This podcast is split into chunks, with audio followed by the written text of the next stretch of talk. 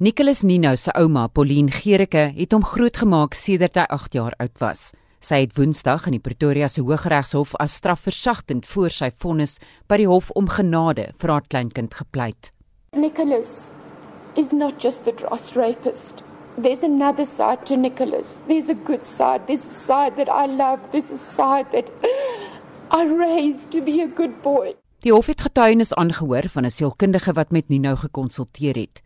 Marina Genis het getuig Nino is as kind liggaamlik en emosioneel afgeskeep en ook liggaamlik, emosioneel en seksueel mishandel totdat hy op 8 jarige ouderdom by sy ouma gaan woon het.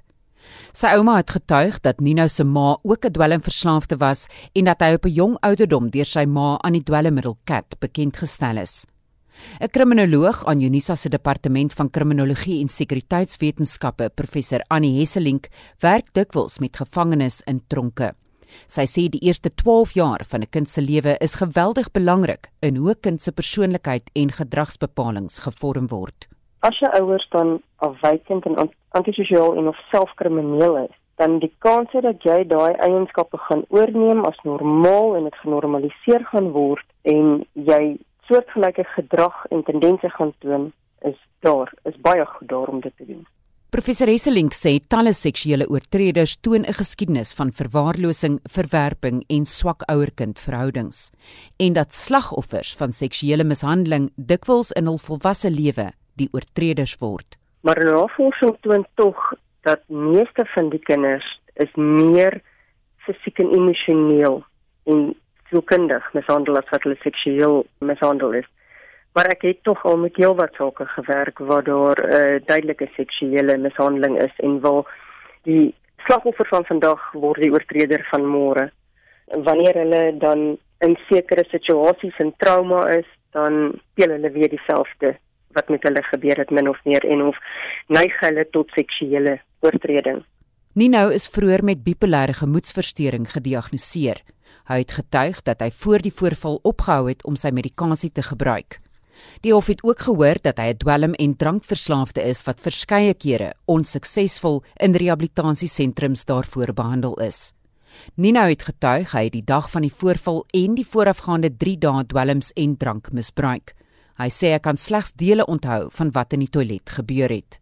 In die oomblik wanneer daar trauma beleef word, wanneer daar stres is, dan is dwelmmiddel misbruik altyd die opsie wat in hierdie geval lyk te gewees het. Nino en sy ouma het by die hof gepleit om genadig te wees omdat Nino 'n ander mens was wanneer hy dwelms gebruik het. Maar professor Hesseling sê dit kan nooit as 'n verskoning of selfs verweer gebruik word nie. Dit gaan gepaard met om blame te skuif, om verantwoordelikheid, nie volle verantwoordelikheid te vat nie. Dit gaan gepaard met die minimalisering, die neutralisering en die rasionalisering van jou eie gedrag, jou eie betrokkenheid.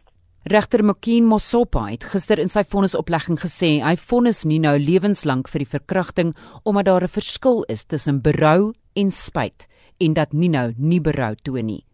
Nino het tydens sy getuienis ter strafversagting gesê hy haat homself vir wat hy gedoen het en dat hy sukkel om met homself saam te lewe.